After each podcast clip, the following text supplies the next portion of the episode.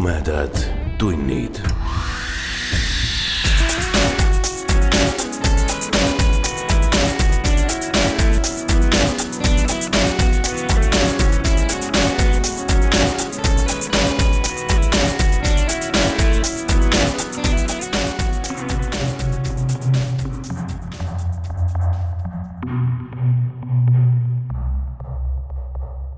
tere, hea ulmesõber. Te kuulete jutuvestmis podcasti Tumedad tunnid viieteistkümnendat osa. mina olen saatejuht Priit Öövel. kõigepealt suur tänu teile kõigile heade vastukajade eest, mis puudutasid meie eelmist veidi lihtsamas vormis sisse loetud osa. aga nüüd tänase osa juurde. kätte on jõudnud oktoobri lõpp, mujal maailmas algamas Halloween meil siin Eestis kätte jõudmas hingede aeg. Täna me loemegi teile ühe jutu, jutu, mis räägib hingedest ja täpsemalt ühest mehest, kellel on nende hingedega veidi erilisem suhe. mina ja Aiki Penno loeme teile Kristjan Sanderi ulmeloo Uus suur maailm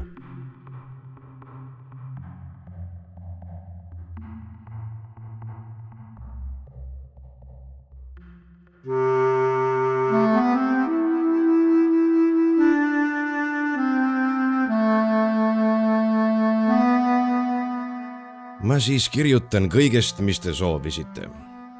ausõna, ma ei varja enam midagi.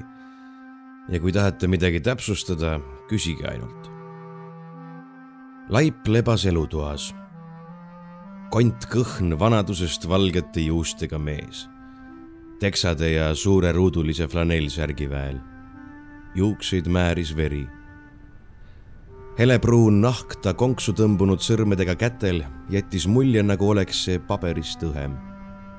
tema kõrval lebas ümber paiskunud lauakeselt põrandale lennanud raamatute kuhi. kui ma sisse astusin, hakkasid surnukuuri poisid teda kokku pakkima. minul teda vaja ei läinud. heitsin vaid huvi pärast pilgu surma poolt sisse vajutatud palgetega näkku tõmbasin sisse toakese veidike läppunud õhku. surnud lõhnasid veidike isegi siis, kui lagunemisest veel märke polnud. ja surusin maha erutusvärina. peopesad tõmbusid eelnevat oodates higiseks.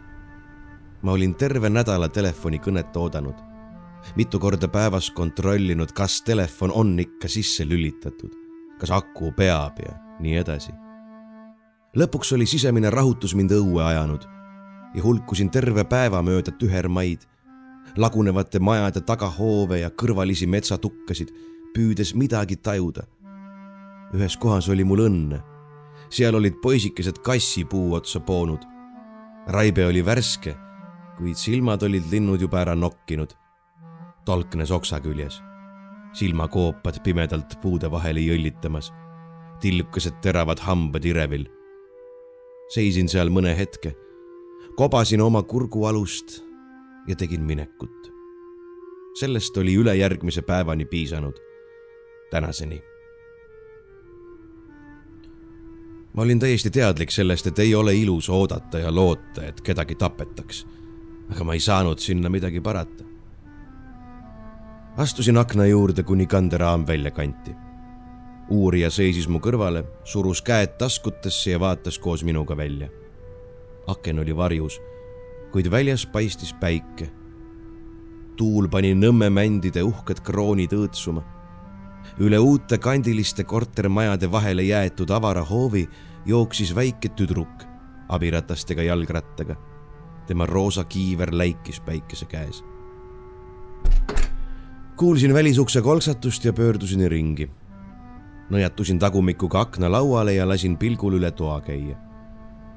välisuksest oli tulnud pahvak värsket õhku ning ohver minema viidud.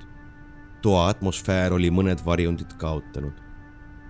oodatud hetk oli kätte jõudnud. võisin endale lubada luksust veidike venitada. seinu katsid riiulid. ammuilma olid raamatud need korrapäraste ridadena täitnud siis olid esimeste ridade ette laotud teised read siis topitud raamatuid lapiti alles jäänud vahedesse või piludesse, kuhu vaid mahtus. sellest polnud piisanud ja raamatud varitsesid kuhjadena laudadel, tugitoolidel, kapikestel ning aknalaudadel. kuidagi oli see habras mees nende vahel liikunud, neid põrandale tõmbamata. see oli juhtunud alles siis, kui ta tapeti. Tal oli olnud aega harjutada kogu see korter, mugavad vanad kirjutuslauatoolid, mille istmenahk oli aastakümnete jooksul võidunud, tumedaks tõmbunud tammest nurgelised kapikesed ja riiulid, hõbedased teeklaasi hoidjad ja tilluke suhkrutoos kirjutuslaua nurgal. kõik see oli vananenud koos temaga. aknast kaugeima kapi otsas, hämaras nurgas nägin seina ääres istumas vana kaisukaru tundsin otse füüsiliselt, kuidas kõik see minu peale alla vaatas. ta oli olnud üheksakümmend kaks aastat vana, sent surmale võlgu ja üksik. kuidas on? küsis uurija üle õla minu poole vaadates. oota natuke. uurija süvenes taas hoovi jälgimisse. seda, mida ma võisin neile öelda, ei oleks arvestanud ükski kohus. aga see oli vaieldamatu juhtlõng Nende asi oli seepärast asitõenditega kokku viia. korteris hõljus peene tolmu tabamatut lõhna. kuid üldiselt oli see enam-vähem korras. mitte läikima löödud, aga siiski veel korras. ta oli ikka veel võimeline koristama ja pidas seda oluliseks. kindlasti ei olnud ta palganud passijat. temasugused vihkavad passijaid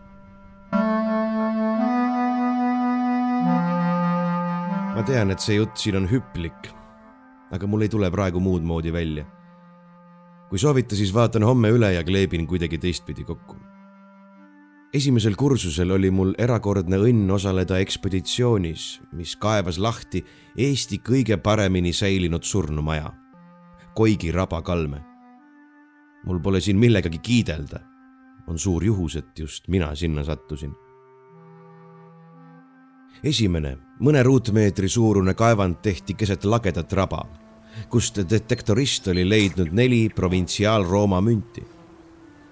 mõnekümne sentimeetri turba all muutus maapind liivaseks ja ilmusid savinõukillud. leiud lõppesid õige veidi sügavamal ning kühvlite all sahises vaid puhas kollane liiv. rohkem münte ei tulnud kas need esimesed olidki moodustanud aardekese või oli mees suurema jao endale jätnud, jäigi lahtiseks. proua kaevamiste juhataja pani selle peale mullapuuri käiku ja teatas lõpuks, et asulakoht asus kunagisel soosaarekesel ja et selle kõrvale lohku tuleb ka proovikaevand teha.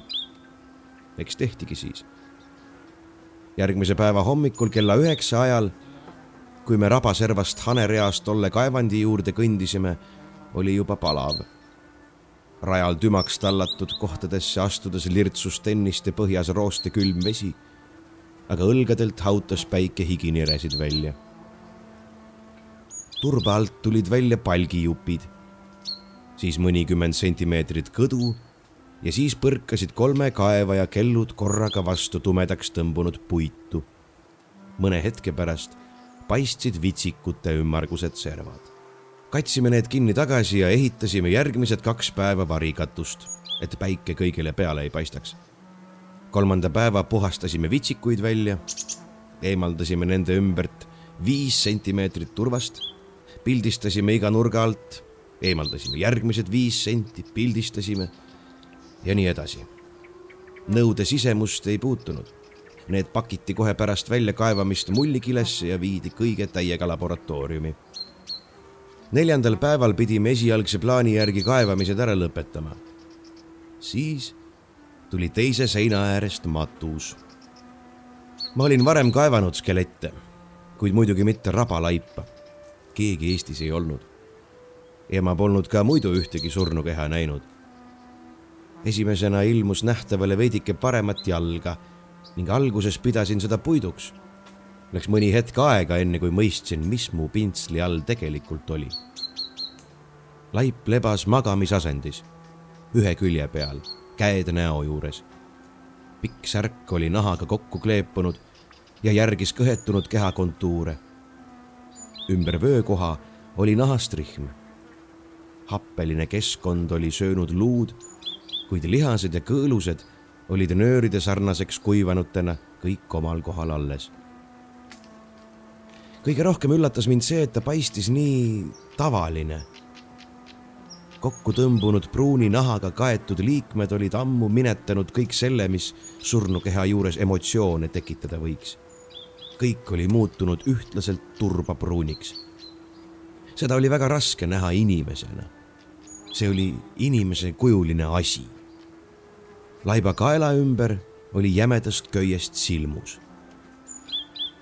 Taanist, Saksamaalt, Inglismaalt ja mujalt Euroopast on rauaaegseid rabamatuseid sadade kaupa leitud. suurel osal neist oli kolju sisse löödud, noahaavad, köis kaelas või muud sellist. Tatsitus kirjutas, nad poovad reetureid puu otsa. Argpükse, lahingust kõrvalehoidjaid või ebaloomulikult amoraalseid inimesi viskavad nad räpastesse soodesse ja katavad puuokstega mõnikord lisati ohvriande, aga mitte kunagi nii nagu Koigi kalmes.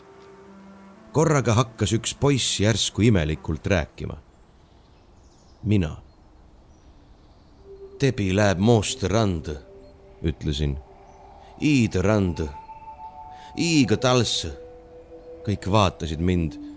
külm tuul pani higi mu kehal hanguma ning vajusin kaevandi äärde põlvili. päikesepaiste oli kadunud ma seisin karjamaa veeres tumehallide pilvede all. mu selja taga kohisesid kõrged mustad männid ning eespool kõigutas tuul sooheinapäid, kuni nõlv langes turbani ning algasid villpeade valged tupsud. Puulatvade vahel rapsiv tuul tõi ninna lehmade lõhna ning pilvede rasked põhjad vajutasid maale äikse-eelse varju. higi nõrgus mööda selga alla see ei olnud palavusest, sest kogu suve oli päike läbi mingi udu paistnud ja ilmad jahedad. eemal rabas astus ühelt mättalt teisele minu poole üks mees ja mu sõrmed pigistasid vibukaart. Rohkem ma oma päikesepiste episoodist, nagu seda nimetati, ei mäleta järgmisel aastal jätkunud kaevamiste tulemused on igale huvilisele teada. kunagi kuuendal sajandil suure nälja ning isuga verd joovate relvade ajal oli Koigi raba saare jalamile turbasse kaevatud poole meetri sügavune auk. surnukeha, majakraam ja relvad toodi kohale. Kõik asjad asetati hoolikalt augu põhja seina äärde maha ning auk kaeti taas turvast täis augu äärtele asetati neli palki ning neile katus.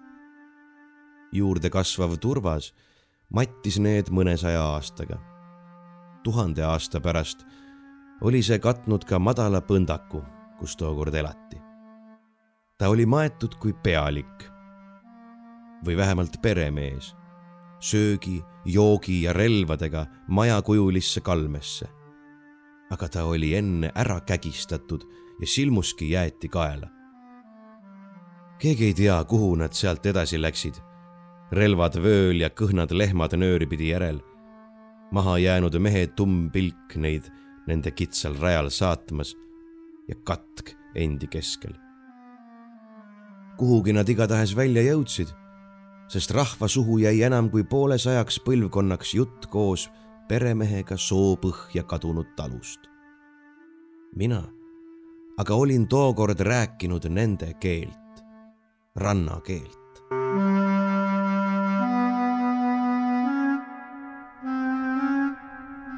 sulgesin silmad ja hingasin sügavalt sisse. korteris hõljus peene tolmu tabamatut lõhna. Erutusvõbin läbistas mu õlgu. nüüd. kui inimene sureb, jääb sellest teda ümbritsevatesse asjadesse jälg see on metafoor. ma ei tea, mis see on. kuidagi jäädvustuvad tema surmahetke mõtted ja tunded ja ma võin neid taas läbi elada nagu telepaat. ka see on metafoor, ma ei usu telepaatiasse. palju ilusaid sõnu võib veel kasutada. Esoteeriline peenmateeria, infoväli ja nii edasi. Neil ei ole tähendust. midagi jääb ka pärast surnukeha eemaldamist sinna. see on kõik, mida võin metafoore kasutamata öelda. mis? ei tea.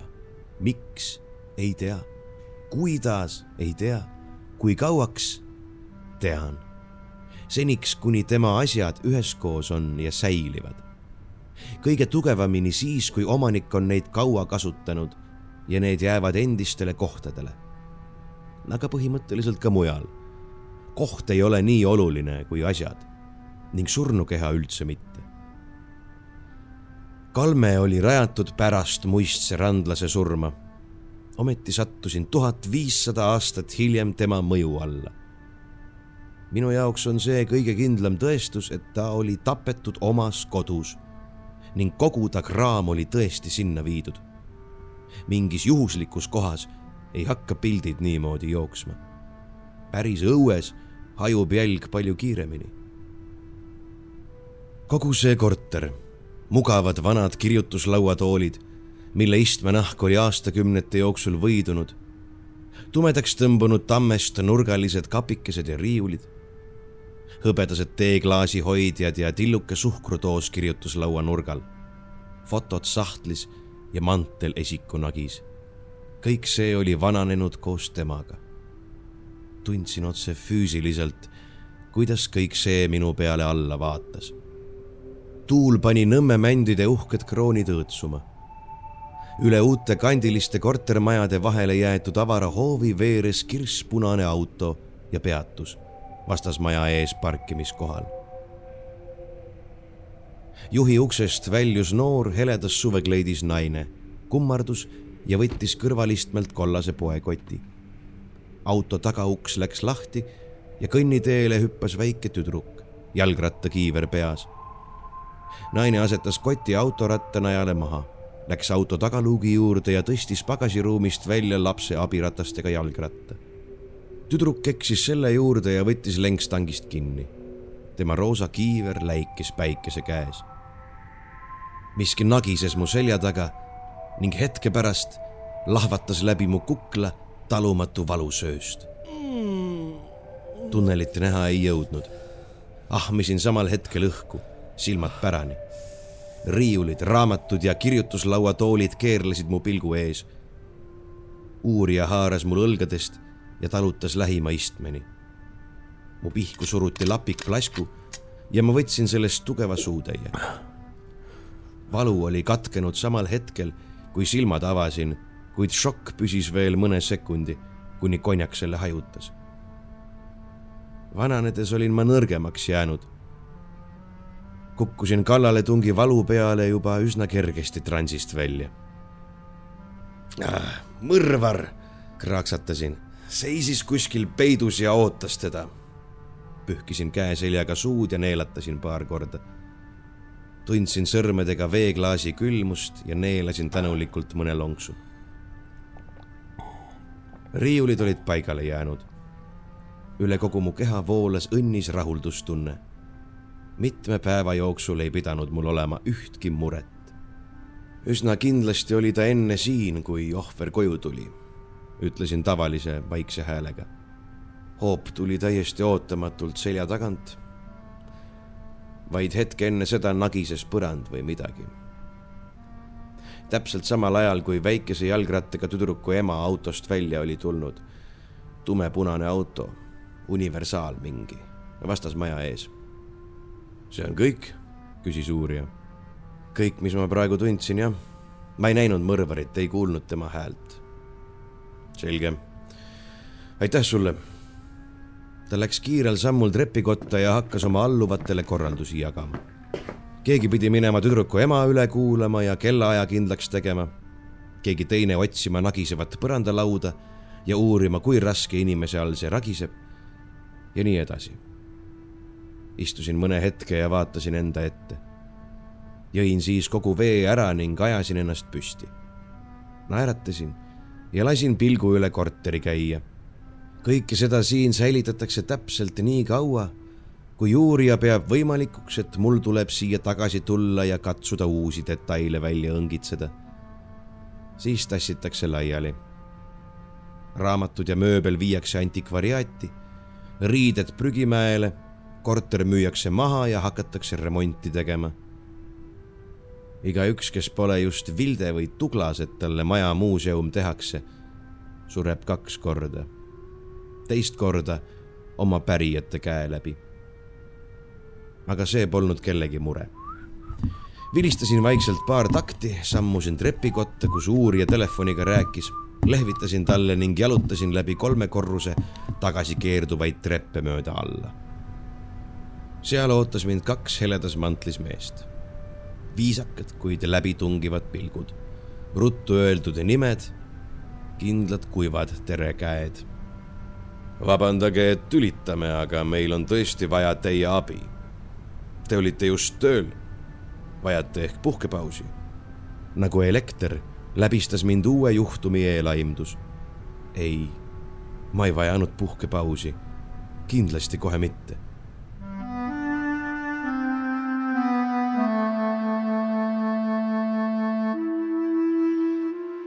Birgiti olin mina kogile kaasa kutsunud.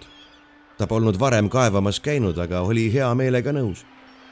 elasime kõik koos Tornimäe kooli võimlas mattide peal ja seal ei saanud omavahel olla, kuid meil oli telk kaasas. mere äärde oli sealt keeruline minna, aga käisime koolis duši all ja kadusime Kadakavõsse. Birgit õppis bioloogiat. tal oli kartulikoore värvi hobusesaba väikesed rinnad ja pikad tugevad sääred. parasjagu kavatses ta parasiitidega tegelema hakata. toksoplasmoos, ütles ta, kui me telki üles panime.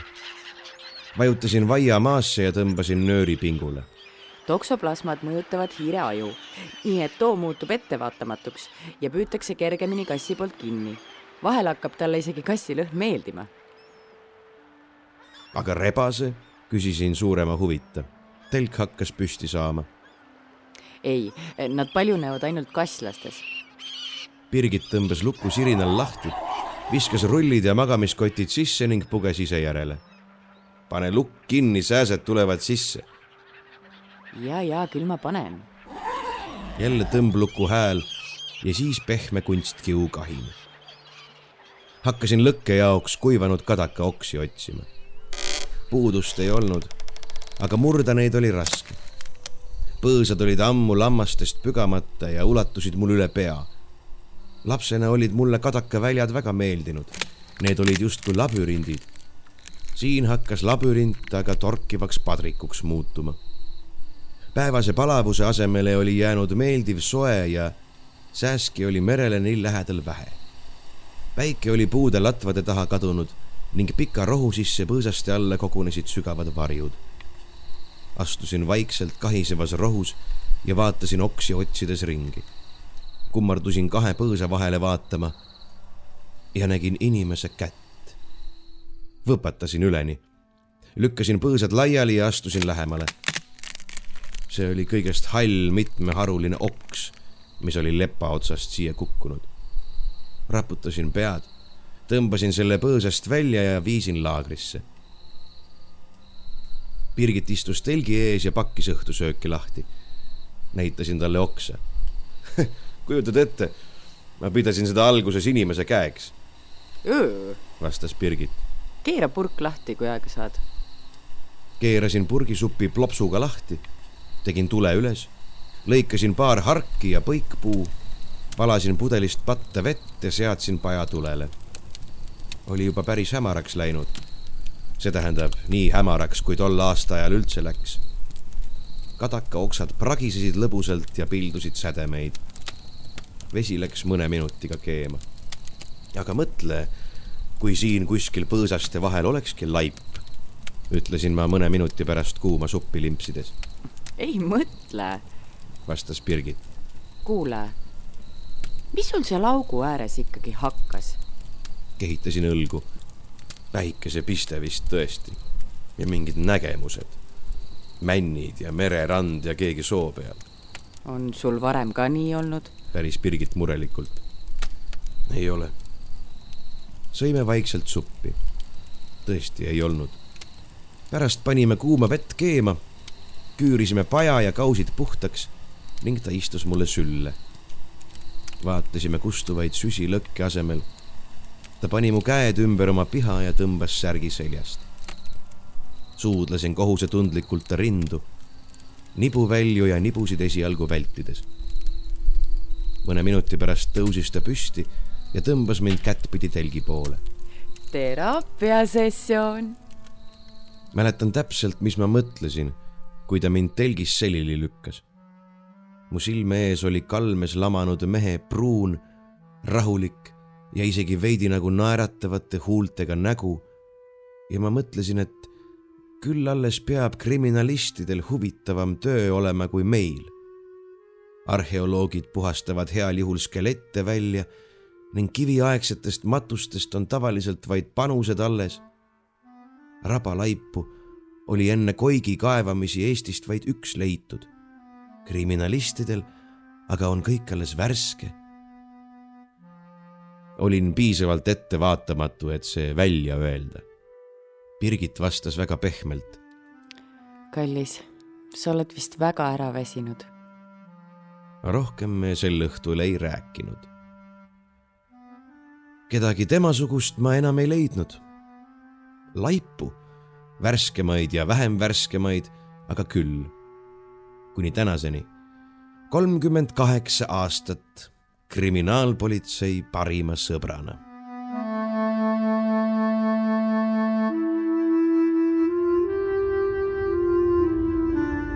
me peame paluma mõne päeva teie aega, oli üks kenadest noormeestest öelnud palve oli muidugi selline, et sellest ei saanud keelduda, isegi kui mul oleks selleks soovi olnud. tema nimi oli Andres. aga siiski, mõne päeva. Kas räägite lähemalt? küsisin. auto veeres sujuvalt ja peaaegu hääletult Vabaduse puiestee roheliste fooritulede alt läbi. meie head liitlased on leidnud huvitava objekti. tema oli aga Andrei ma olin ka varem käinud Eestist väljas kuritegusid lahendamas. kümmekond korda Soomes, kaheksa Rootsis, Lätis veel rohkem. aga need olid kõik tavakuriteod, lihtsalt väga keeruliste tehioludega. hea meelega, vastasin talitsetud viisakusega.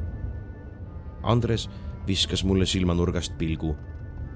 Neid juba ära ei peta. lühidalt, nad sõidutasid mind lennujaama suurt midagi ütlemata seal ootas meid õhutakso. Andres tuli minuga kaasa, Andrei jäi maha.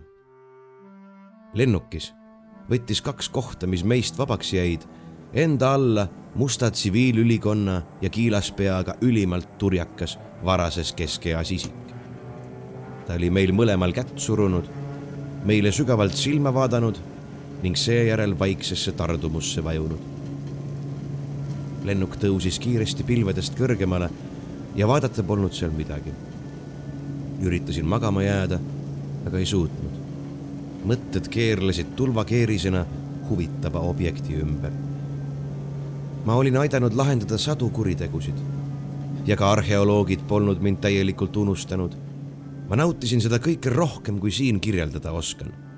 võhivõõra surnud inimese elust jäänud nähtamatu jälje tabamises oli mingi võlu, mida pole võimalik sõnadesse panna kogeda mõneks hetkeks kellegi tundeid, emotsioone, mis kõigi jaoks peale minu olid surmahetkel päästmatult kadunud, saada mõneks hetkeks vilksamisi sisse vaadata ainulaadsesse maailma, mida iga inimene vaid enda jaoks hoiab. sellist võimalust polnud maailmas mitte kellelgi peale minu. jah, ma kogesin suurema osa ohvrite surmahetke, kuid ma kogesin ka paljut muud vahel mahtus nendesse sekunditesse kõikehaarav palang leekivat armastust, mille sarnast mina polnud kunagi elus tundnud. vahel aga hiil niisama lõikavat vihkamist. Sain teada, kuidas vaatab maailma miljardär enne pärijate poolt saadetud palgamõrtsuka kuuli tabamust, kui täpne olla, ja kuidas sügavalt usklik inimene enne kui usu kaotamises veendununa mürki võttis. aga need olid ebatavalised kuid siiski inimlikud ja maised lood. millegi mitteinimliku või ebamaise juurde polnud mu saatus mind veel viinud, kuigi olin seda kolmkümmend kaheksa aastat oodanud. Minu ajal oli veel inimesi, kes lennuki õhku tõusmise või maandumise ajal palveid lugesid. Neid, kes luugi kinni panid ja kuhugi mujale vaatasid, neid oli võib-olla veerand reisijatest. mina katsusin alati saada aknaalust kohta ja ei tüdinud sellest kunagi sel hetkel, kui startiv lennuk just enne õhkutõusu niimoodi kiirendas, et võis kogu kehaga tunda, et ei istuta lihtsalt kihutavas sõidukis, vaid ollakse andnud end millegi sõnul seletamatult võimsa meelevalda. sel hetkel kogesin mina isiklikult midagi sarnast, kui keskaja inimene võis kogeda katedraalis, hetkel kui orel mängima hakkas. kõik, mis stardile eelnes, oli tüütu. kõik, mis sellele järgnes, igav kuid seda momenti tasus oodata. tänapäeval on meid sellest ilma jäetud, kuid tüütus ja igavus on muidugi kenasti alles. Aga ma kaldun teemast kõrvale. niisiis, kui lennuk oli pilvedest kõrgemal, aktiveerus täiesti ootamatult kiilaspea, kes minu vastas kahel toolil korraga istus ta võlus kuskilt välja väikese kandiku mineraalvee ning tikuvõileibadega, asetas selle lauakesele meie vahele ja ütles väliseesti hääldusega. lubate ehk kostitada? tänan, võtsin kalamarjaga ampsu. Meil on ees väga tõsine töö, ütles ta tõsiselt. ma igaks juhuks tutvustan end uuesti. minu nimi on Andrew Leppmets. ma olen Ameerika Ühendriikide valitsusagentuuri töötaja. kuidas saan teile abiks olla? selliste inimestega tuleb suhelda konkreetselt ja koostöövalmilt heitsin kõrvalpilgu Andresele. too vahtis aknast välja, klapid demonstratiivselt kõrvas. Me ei ole teiega varem koos töötanud. palun, kas te jutustaksite mulle oma esimesest juhtumist, kui teie anneavaldus? mind on üldjoontes informeeritud, et see juhtus arheoloogilisel ekspeditsioonil. aga ma tahaks äh, seda teie enda suust kuulda.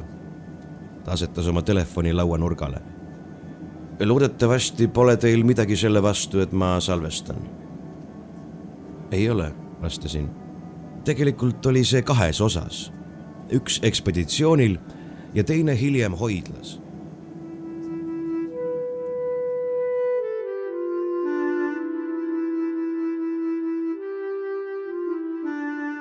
Koigi raba leide restaureeriti kokku mitu aastat kui need lõpuks arheoloogiakogu hoidlasse jõudsid, läksin neid ühel päeval vaatama. Mitu riiulit oli täis konservantidega läbi immutatud ja veidike nafta järgi lõhnavat puitu. iga ese oli piinliku hoolega numereeritud ja spetsiaalsest inertsest papist karpi magasineeritud. kalbete päevavalguslampide all paistsid need hoopis teistsugustena kui kaevandis puidurakkudesse tunginud keemilised lahused olid materjali muutnud millekski, mis polnud ei päris looduslik ega päris tehislik, kuid esemete kuju oli viimse kriimuni säilinud. suurim rahvaste rännuaegsete puitesemete kollektsioon Euroopas. tõin need riiulist ühele töölauale kokku, istusin raskele pöördjärile, sulgesin silmad ja jäin ootama transs tuli aeglasemalt kui sündmuskohal, aga tuli. äkiline tuuleiil tõi ninna lehmade lõhna ning pilvede rasked põhjad vajutasid maale äikse-eelse varju. ma seisin karjamaa veeres tumehallide pilvede all. mu selja taga kohisesid kõrged mustad männid ning eespool kõigutas tuul sooheinapäid, kuni nõlv langes turbani ning algasid villpeade valged tupsud. higi nõrgus selga mööda alla. pilvealuses hämaruses muutusid värvid tuhmimaks, aga samas sügavamaks. Rohi, kõrred ja lehed kaotasid läike ning lisandus omapärane tume varjund. peegeldus otse minu ees taevast turpuvast monstrumist. pilveserv kerkis iga hetkega kõrgemaks oma sinakas hallist sisemusest üha uusi ja uusi rünkaid ülespoole keerutades. tuulehoog sakutas valgete villpeade tupse. mu sõrmed pigistasid relva ja seal mätaste vahel liigutas veel mees, kelle olin just tapnud. ja siis ei seisnud ma enam äikeseeelse raba veerel. hallid lained peksid oma vahuseid päid vastu rannas lebavaid kive ja ma taganesin aeglaselt sisemaa poole minevale rajale. vasakult tõusis rannaküla tarede suitsu. haistsin niiskevõitu kase ja lepahao põlemise kirbet vingu. see ei olnud enam minu küla. Ja naine, kes must mõne sammu kaugusel seljaga mere poole seisis, ei olnud enam minu naine. ta värises palavikus ja vaatas mulle paistes silmadega otsa. Tepi läheb Mooste rande ütles naine madalal häälel. Iide rande, iga talse, pässe jookseb soo. katk läheb sisemaalt randa, igasse randa ja igasse tallu. Pakku joosta ei saa. võib ka siin surra. nagu see naine isegi homseks sureb ja nagu lapsed, kes eile surid ja nagu kõik, kes seni surnud on. üle keha nõrguv jäine higi põletavad köhahood, pimedus, abitud katsed veel üks hingetõmme õhku ahmida, mõistmine, et enam see ei õnnestu, viimased krambid ja surm. ma pöörasin ümber ja jooksin kadakate vahele, türnpuude vahele, mändide vahele. esimene sööst viis mu nii kaugele metsa, et merekohin peaaegu vaibus. siis vajus mu poolnälginud keha männinajale peopesi torkivale samblale istuma ja ahmisin õhku, kuni süda enam kurgus ei pekselnud ja jälle tavaliselt hingata sain. ajasin ennast püsti ja läksin üle kiirele käigule. Rabasaareni oli veel pikk tee minna.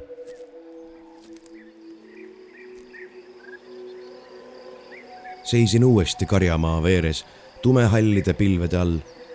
eespool kõigutas tuul sooheinapäid kuni nõlv langes turbani ning algasid villpeade valged tupsud. mu sõrmed pigistasid vibu ja seal, mätaste vahel, liigutas veel mu vend, kelle olin just tapnud. mu vend, kes oli tahtnud rannakülast minu juurde joosta, kui ta naine ja lapsed surid ja kes oma viimasel hetkel muust mõelda ei suutnud. kelle tapnud noole tulitavat haava ikka veel oma rinnus tundsin ta tõstis pea ja püüdis mind näha. sinu tapab, su entsi. lauset lõpetamata ta suri. tõepoolest, Koigi mehele, venna tapjale ja pealikule, kelle kuritöö neid needuse eest kaitsta ei suutnud, tõmbasid ta enda pereliikmed kaks päeva hiljem köiekaela ümber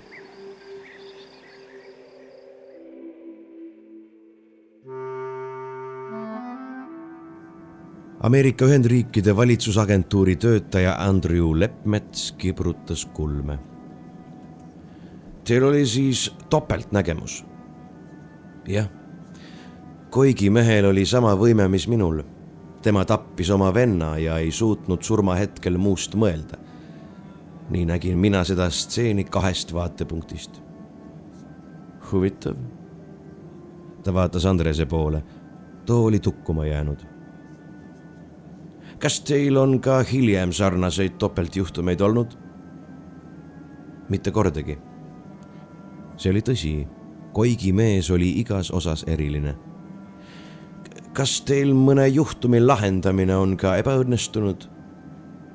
Äh, ma sain aru, kuhu ta tüürib, aga tahtsin täpsustada.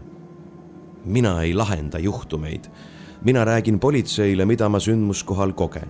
juhtumeid lahendab politsei ja muidugi, kas teil mõnikord on ebaõnnestunud midagi kogeda? ei, kui tingimused on täidetud. Tõepoolest ei olnud. aastakümnetega olin ma transsi nii palju lihvinud, et see muutus peaaegu automaatseks. kohe, kui sündmuskohal silmad sulgesin ja hingamist muutsin, hakkas peale. aga ka alguses tuli see lõpuks alati kätte. selgitage palun mis tingimused teie töö jaoks olulised on?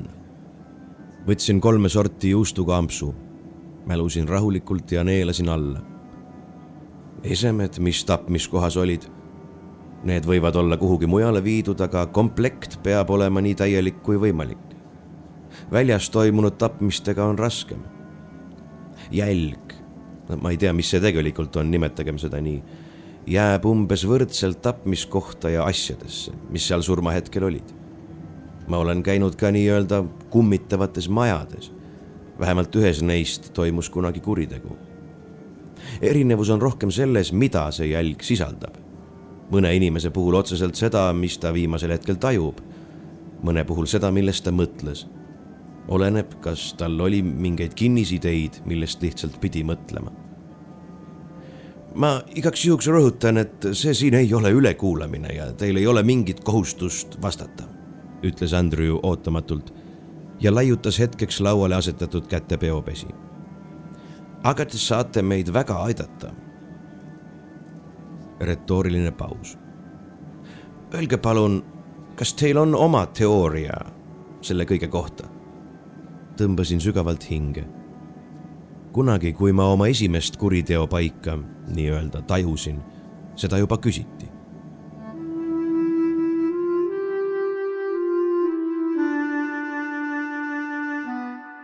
see oli mõni päev pärast Koigi kaevamisi.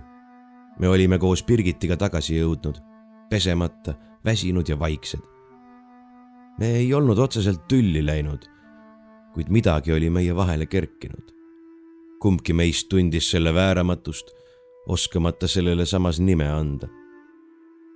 nii me siis soovisime üksteisele head õhtut, vahetasime kuiva suudluse ja kadusime kumbki oma koju pessu ja magama kolmandal ööl pärast tagasijõudmist ärkasin kella viie ajal vahtisin paar hetke pimedusse, siis keerasin teki all külge.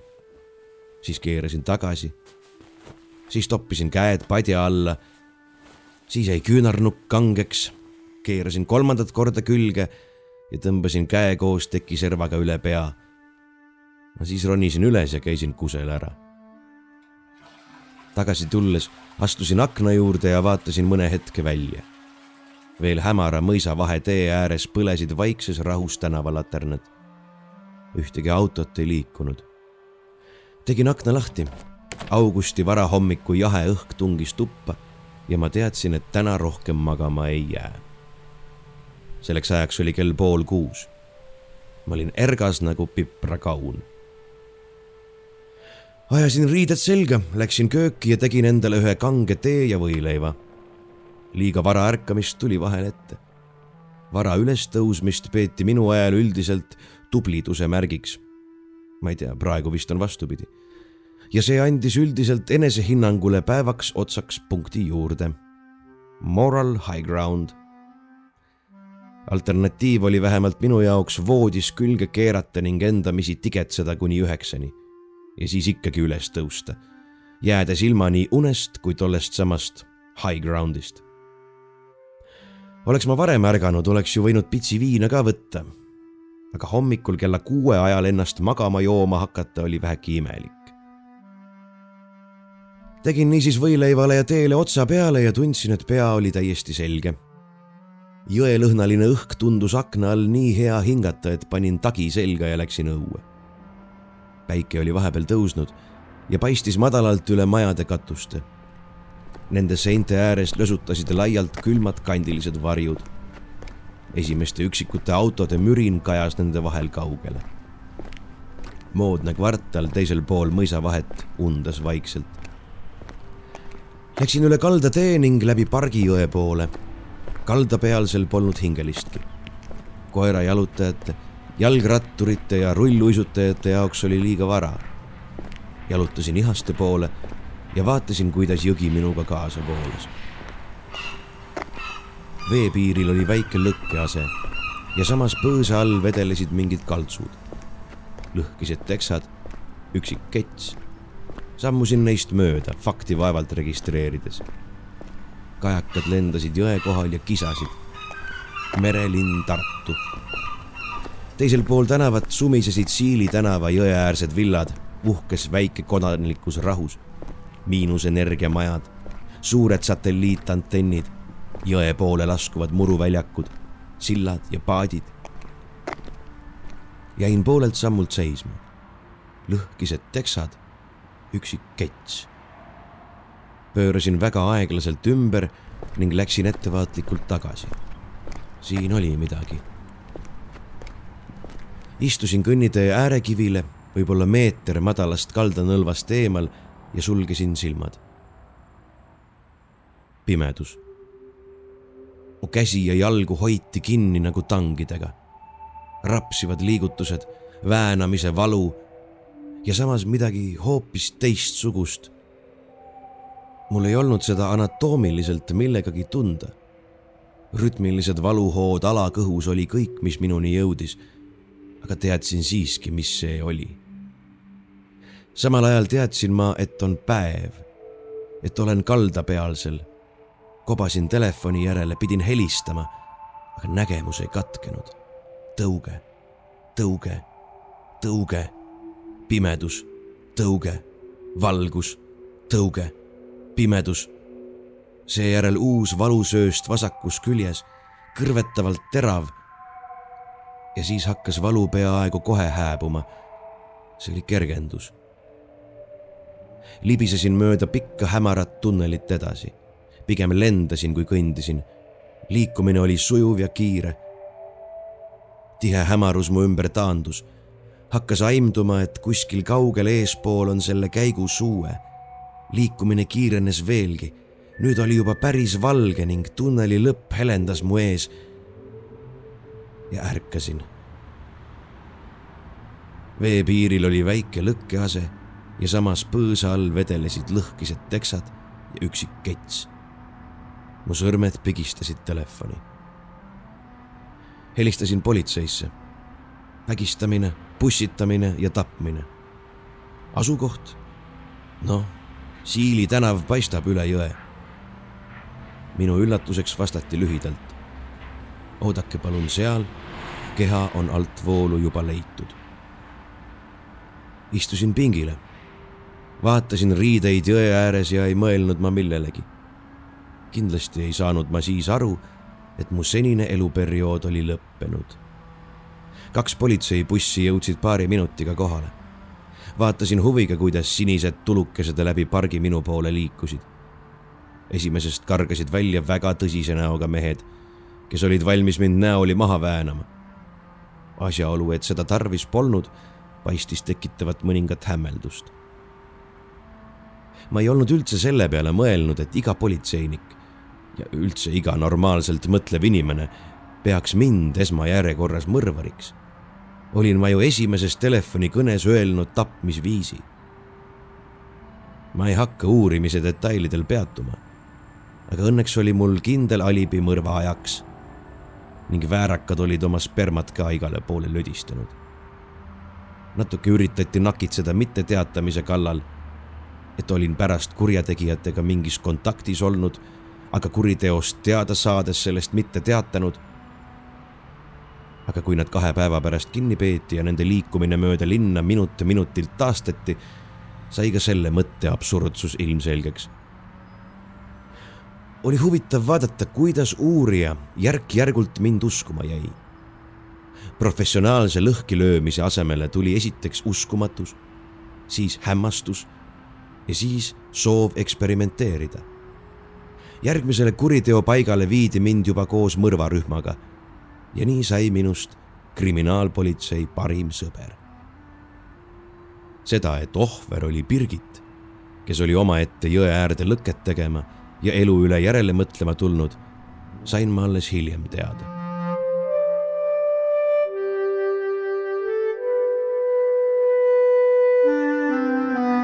Parasiit, olin ma öelnud kripo uurijale kolmkümmend kaheksa aastat tagasi, kui Andrew veel plaaniski polnud lennukis kordasin sama sõna talle. see oli Koigi mehel ja ma sain selle endale, kui matust välja puhastasin. see on nagu toksoplasmad, muudab mu mõtlemist. ma vajan uusi juhtumeid nagu õhku. kui neid ei ole, siis lähen linna peale igasugu sündmuste jälgi otsima. Rääkisin talle kassist. Andrew kallutas pea veidi vasakule, kergitas kulme ja noogutas kergelt viisakas neutraalne huvi. huvitav teooria, vastas ta. me oleme püüdnud seda uurida kuid ka meile ei ole asi kaugeltki selge. Öelge palun, kas te tavaliselt säilitate nägemuste abil võime päris maailmas midagi teha, nagu selle telefoniga? Jah, see on umbes nagu unenägemine. hirmuunenägusid katkestama õpivad paljud inimesed juba lapsena. aga mul ei ole seda tavaliselt vaja. ma katsun võimalikult palju informatsiooni koguda. Andrew noogutas edasi rääkisime veel veidike tühjast tähjast. ma olin teda milleski veennud, kuid polnud päris kindel, milles. ma ei tea, kuhu riiki me lendasime. Olime kogu aeg pilvede kohal ja enne maandumist lasti aknakatted ette. maandumisrajad on igal pool ühesugused. meil oli otse selle ääres buss vastas. buss sõitis kiiresti ja minu nägemine pole enam kõige parem, aga võimalik, et teele jäigi väga vähe silte. ühesõnaga, ma ei tea, kus me oleme ja eriti ei taha ka teada. sellel pole mitte mingit tähtsust.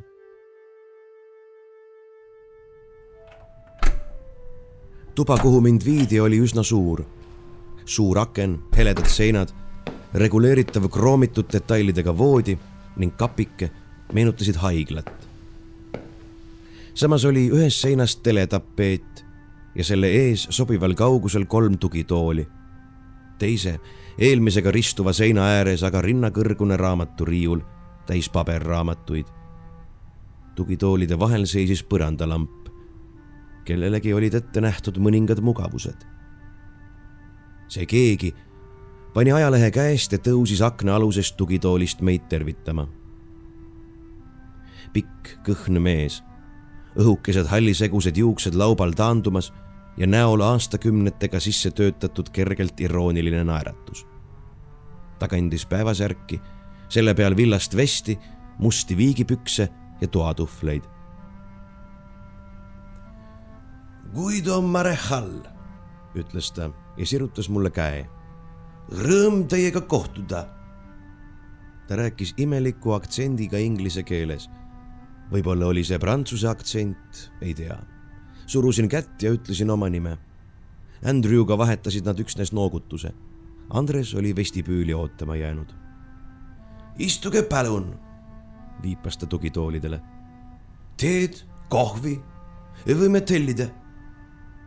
Palusin teed. võtsin istet ja silmanurgast nägin, kuidas Andrew tegi sedasama.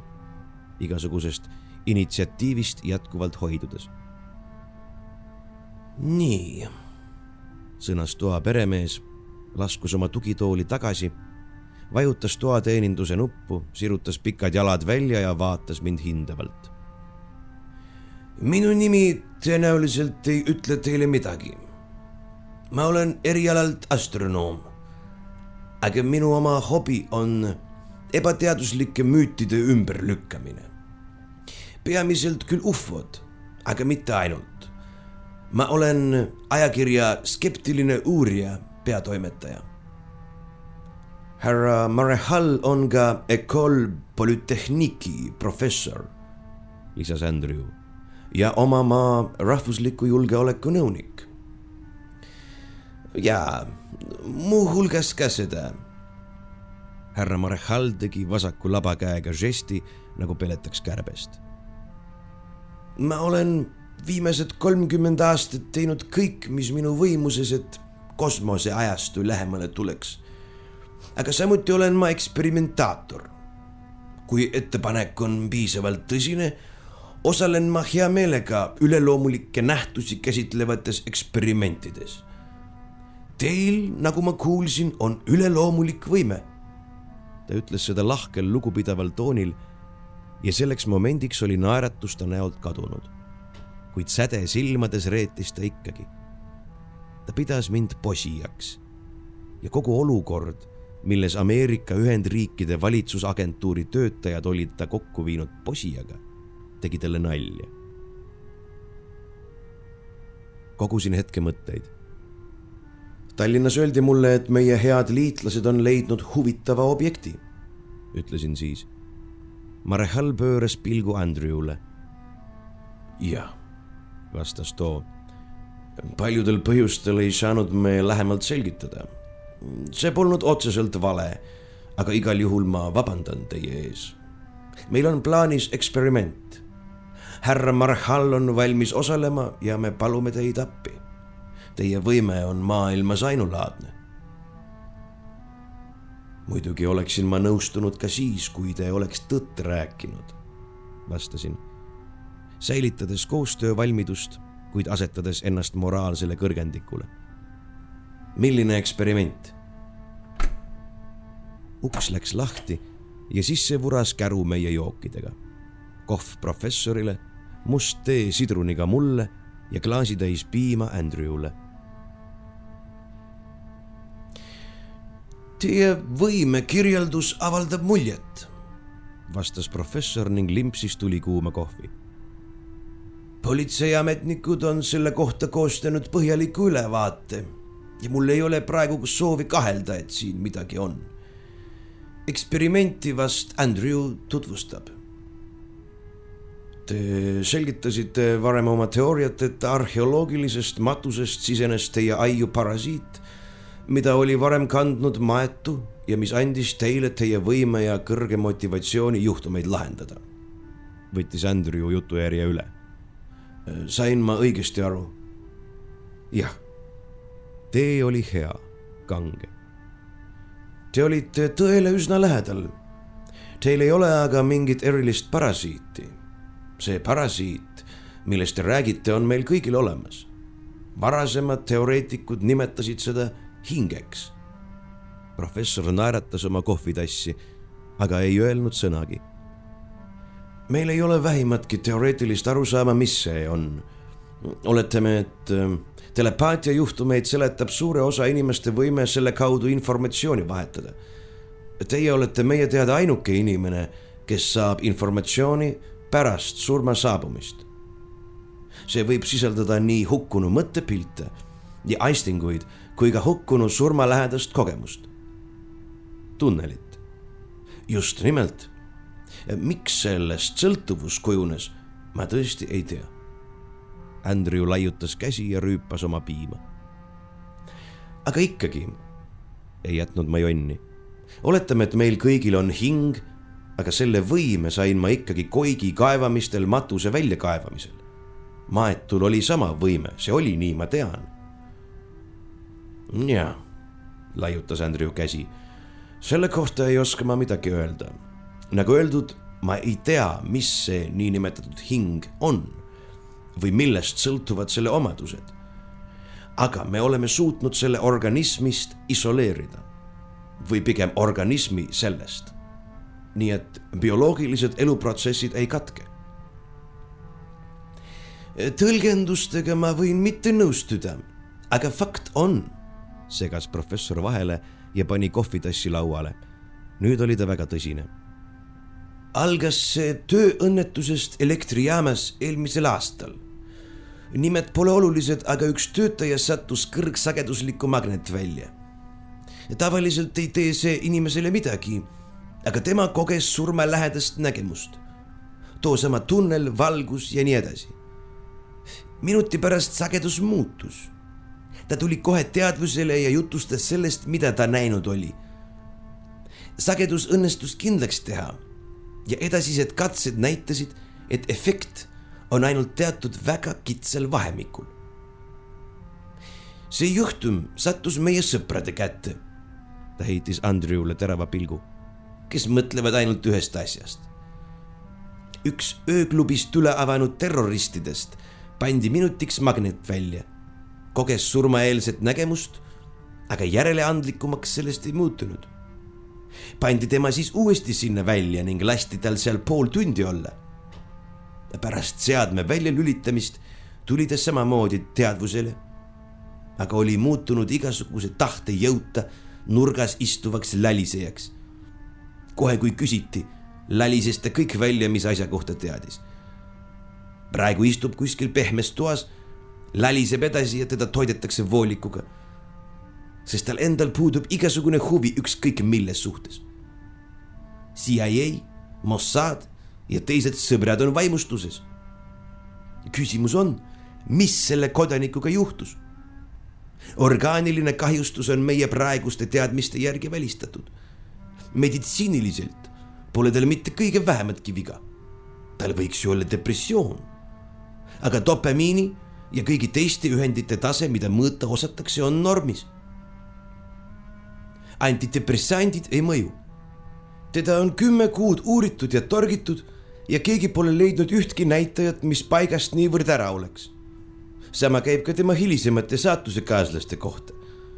kui palju neid oligi? kahesaja ümber vastas Andrew vastumeelselt. Vahtisin ühe otsast teise otsa ja küsisin endalt, kas see kõik on ikka päriselt. voh, kakssada zombit, kommenteeris professor õnnelikult. ja see vana juhmart siin, kes tahab ise katseloomaks hakata. jätkas taas Andrew.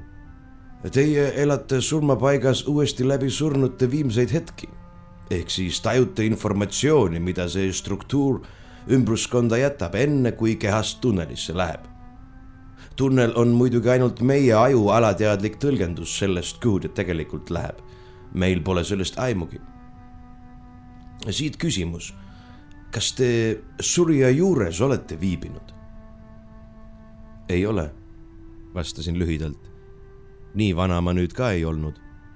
surijad pandi haiglasse luku taha umbes siis, kui ma sündisin me tahaksime kontrollida, kas te tajute midagi siis, kui kedagi teie juuresolekul magnetväljaga mõjutatakse ning kui jah, kas te siis tajute temaga reaalajas üht ja sama. ehk siis, kui katsealuse hing magnetvälja mõjul kehast lahkub ja ta näeb tunnelit, kas teie näete samal ajal sama? ma saan aru, et te kogute mingeid peegeldusi esemetelt, sekkus jälle Marechal ma olen siin palatis nüüd juba kaks nädalat elanud, et teie elu lihtsamaks teha. Need asjad siin peaksid olema minuga mingil määral harjunud ja mul tõesti ei ole rohkem aega. kuigi see on vaieldamatult minu elu kõige paremini makstud puhkus. ta kergitas kulme, naeratas ja tõstis kohvikruusi just nagu tervituseks kokku lüües. aga mulle täitsa meeldib, et te meie surematut hinge parasiidiks nimetate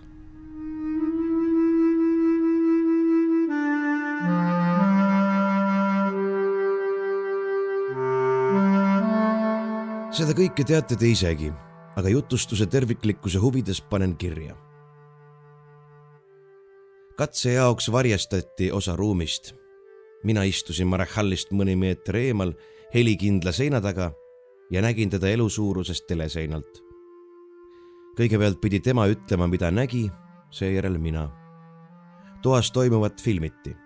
sellele lisandus meie mõlema EKG, EEG, PET ja mis kõik veel juhuks, kui ma midagi kogenuks, pidi pärast kontrollitama, kas graafikud, mida seadmed minu kehas toimuvast salvestasid, muutusid samal ajal, kui välja Marehalli poolel sisse või välja lülitati. katset läbi viima tuli terve konsiilium. kirjutasin alla vähemalt viiele formularile, mis vabastasid nad, kes iganes nad ka ei olnud, igasugusest vastutusest ning kinnitasid, et osalen katses vabatahtlikult ja mulle on kõiki riske selgitatud mul oli ükskõik. mind ju lalisejaks muutva väljaga ei mõjutatud. väljageneraator lülitati sisse alguses väga lühikeseks, siis järjest pikenevaks ajaks ja igaks juhuks anti mulle nupp, mille vajutamine selle katkestas. kui ma esimesel korral silmad sulgesin, tundsin kõigepealt põnevust ja siis muret. mitte hirmu, vaid muret. Ja see polnud kindlasti mu enda oma kogu see asi häiris Marachalli millegipärast väga, kuigi ta seda välja ei näidanud. siis asendas tavalist helepunakas-pruuni lautagust valgust pilkane pimedus. see katkes järgmisel sekundil. professor naeratas meile oma kõige muretumat naeratust ja ta huuled liikusid. pimedaks läks, ütlesin mina. Heli lülitati sisse ja Marechal vastas siis läks meil mõlemal pimedaks. see ei tõesta veel midagi, jätkame. jätkasime. ei mingit põnevust enam. kindlus, et kohe juhtub midagi olulist. ja sealjuures mõtles ta otsesõnu mulle, tahtis mulle midagi öelda aga ma ei saanud aru, mida. see polnud telepaatiline kontakt. Ma kogesin tundeid ja pilte, aga mitte mõtteid sõnade kujul. teleuudiste moodi kaadrid sellest, kuidas Euroopa kosmosejaama orbiidil kokku pandi ja kuubaasist ja tähtedest. aga mis need siia puutusid? enne kui ta jätkata jõudis, läks jälle pimedaks. siis hakkasid väga aeglaselt mingid piirjooned tekkima. tunnel oli neljakandiline, kuid seinad ühtlaselt tumehallpruunid. Polnud mingeid märke paneelide liitekohtadest või muust sellisest. õige kaugel ees oli valgus veidike heledam. ma ei tea, millal algas liikumine. võib-olla olin juba pimedas väga aeglaselt edasi libisenud nüüd aga kiirenes see tasapisi. pigem lendasin, kui kõndisin. liikumine oli sujuv. tihe hämarus mu ümber taandus. Hakkas aimduma, et kuskil kaugel eespool on selle käigu suue. liikumine kiirenes veelgi. nüüd oli juba päris valge. tunneli lõpp helendas mu ees ja nägemus katkes. professor vaatas mulle seinalt vastu naeratus oli kadunud ja ta rääkis midagi tunnel, ütlesin. hämar, raske öelda, mis värvi. mingid ühtlased tumedad toonid, hall ja pruun, nagu kaljusse süvistatud, nelinurkne. liikusin edasi, kogu aeg läks valgemaks. katkestati enne tunneli lõppu.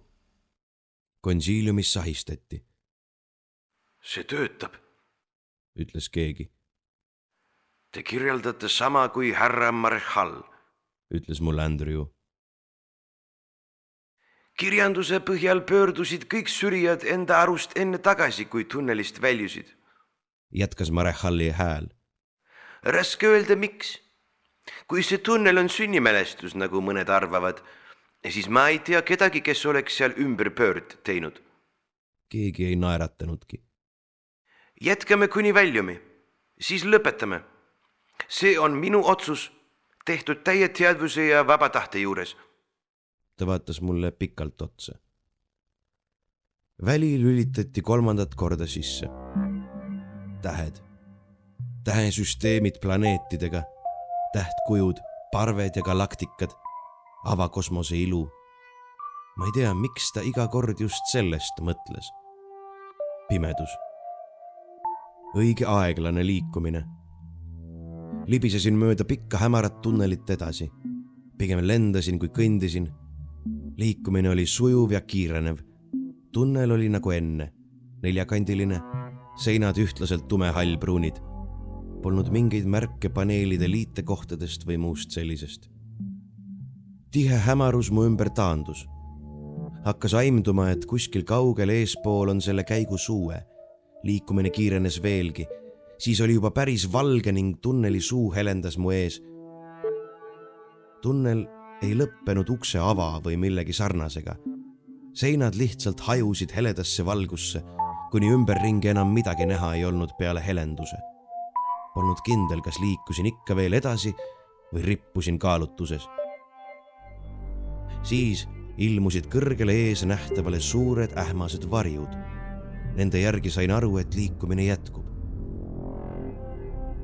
midagi sädeles must veidi vasakul valges hämus siis kaks tükki paremal ja siis äkki oli neid kõikjal mu ümber. Udu oli märkamatult hõredamaks muutunud ja ma nägin juba päris kaugele ümberringi. sajad ja tuhanded heledate tulukeste kobarad tõusid ikka kõrgemale ja kõrgemale, kuni nad ühtlaseks sädeluseks kokku sulasid. äkilist mõistmist, et minagi olen üks neist, ei tulnud see oli kuidagi loomulikult arusaadav hetkest, mil esimest nägin. nüüd oli täiesti selgeks läinud. Heleda hämu asemele olid taas asunud värvid, kuid kõik luitunud, pastelsed, ei ühtki kirgast või puhast tooni. hiiglaslikud kujud kõrgusid otse meie kohal nagu pilved, tohutute mõõtmete, kuid palju konkreetsemate piirjoontega Neil olid justkui hallikas sinised varred, mille alumised otsad kadusid valgesse uttu meie all. meist kilomeetreid kõrgemal harunesid veidi rohekamad nagu linna suuruse laeva purjed. lehed. nägin, kuidas nõrgalt helendavate, nimetagem neid siis hingekesteks, sädelev pilv meist kümneid kilomeetreid kõrgemal ikka tõusis ja tõusis, kuni äkki kattis mind vari, ääretuna tunduv must sügavik. siis see kadus, kuid mõnisada meetrit kõrgemal meie ees oli sädemepilve sammas otse kui pooleks lõigatud. vaid mõned üksikud segadusest tulukesed õõtsusid seal, kus enne oli olnud kümneid tuhandeid.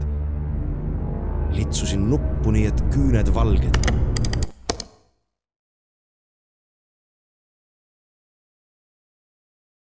Marehal vaatas mulle lootusetu pilguga seinalt vastu. hetkeks mõtlesin, et teda on tabanud lalisevate terroristide saatus. siis aga võttis ta ennast kokku ta silmadesse sugenes elu, ta maigutas korraks suud ja ütles midagi lühidalt. raputas kergelt pead ja tegi liigutuse, nagu tahaks käsi laiutada. ta näonahk oli nii kahvatu, et näis peaaegu hallina ning tumepruunide silmade ainitine pilk rippus mu näol. Need silmad palusid, anusid jumala keeli. siis tegin oma elu kõige suurema vea mul on hirmus kahju, et ma niimoodi tegin, aga ma ei suutnud tema pilgu sõnatule palvele ära öelda. nii tungiv oli see. jõudsime pärast tunnelit valgesse uttu ja rippusime seal. kuulsin ennast ettevaatlikult lausumas. ootasin, et kohe tuleb täpsustav küsimus hiiglaslike taimede kohta, aga ei tulnud. Marehalli näkku ilmus veidike värvi tagasi ja kui ma ta häält kuulsin, oli selles varasemast tuttav kergelt üleolev noot. see, härrased, vist on tänaseks kõik. konsiiliumis vangutati mõningase pettumusega päid. Marehall oli nii suur nina, et talle maksti kohe maid honorar välja. sõidutati ta kõikvõimalike auavalduste saatel tema Polütehnikumi tagasi ja kuulati tähelepanelikult noogutades ära tema jutt sellest, kui palju teaduse ajaloos on tehtud katseid inimese hinge kaaluda, pildistada või selle elektrilaengut mõõta ja kuidas kõik need olid ebaõnnestunud. korraks oli ta tõesti mõelnud, et minu ande taga peab olema midagi tõeliselt olulist. aga nojah, on aeg pöörduda tagasi tõelise teaduse, kaugete eksoplaneetide spektrite ning nende orbiitide anomaaliate juurde kui üldse kunagi leitakse elu mõistatustele vastused, siis sealt. me polnud Marechaliga üksteist varem kordagi näinud.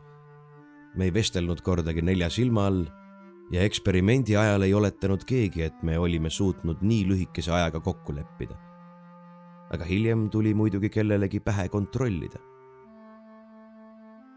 mind pandi valedetektori alla, anti mulle tõeseerumit ja lubati must laliseja teha, kui see ei aita.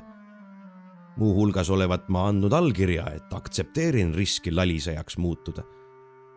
ju ma siis andsin. Andres viiks mu voolik suus otse kuhugi hooldekodusse ja sinna ma jääkski. muidugi saite te tõe teada. Andrew koos paari terase pilguga mehega, kes olid katse ajal konsiiliumis istunud, kirjutasid üles selliseid detaile, mis mind ennastki üllatasid ausõna, mul on väga kahju, et nii läks ja ma teile valetasin.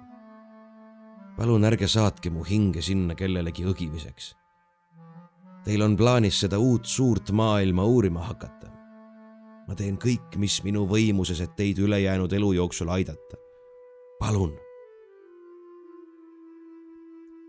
Mare Hall kartis, et inimkond pöörab edaspidi oma pilgu sissepoole et välikosmos unustatakse ja ekspeditsioon ekspeditsiooni järel siirdub avastusretkele vast avastatud spirituaalsesse maailma. see on tohutu suur maailm rohujuure tasandil uurimiseks, kuid meie rassi kaugused ei kohuta. selgitatakse välja, kuidas liikumist juhtida, koostatakse formeeringud ja leitakse viis, kuidas kiskjatest eemale hoida või ennast kaitsta sellise projektiga võiks vabalt järgmised kümme tuhat aastat tegeleda. suurriikidel tekivad teispoolsuses huvipiirkonnad ning hea raha eest on võimalik endale osta seal turvaline eksistents. tähtedele ei lenda aga mitte keegi mitte kunagi. ma aitan teid nagu jõuan. palun ärge saatke mind üksinda sinna. laliseva minu käest ei kuule te midagi, mida ma teile juba rääkinud või kirjutanud pole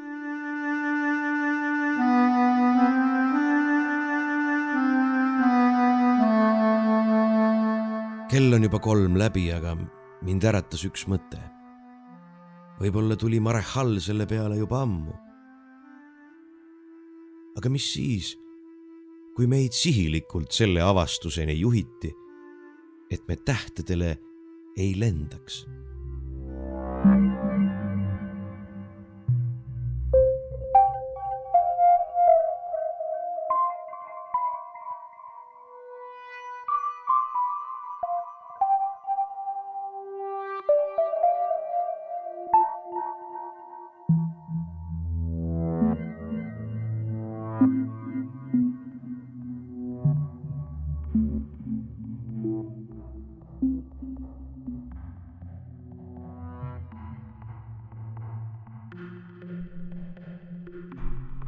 ja ongi tänaseks kõik.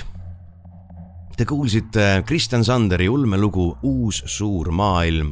Te kuulsite jutuvestmis podcasti Tumedad tunnid viieteistkümnendat osa. me kohtume varsti jälle, siis juba meie sünnipäeval, esimesel detsembril. seniks aga kirjutage, kommenteerige ja kritiseerige meid meie Facebooki lehel. jagage meid oma sõprade ja vaenlastega ning loomulikult saatke meile oma ulme ja õuduslugusid. kohtumiseni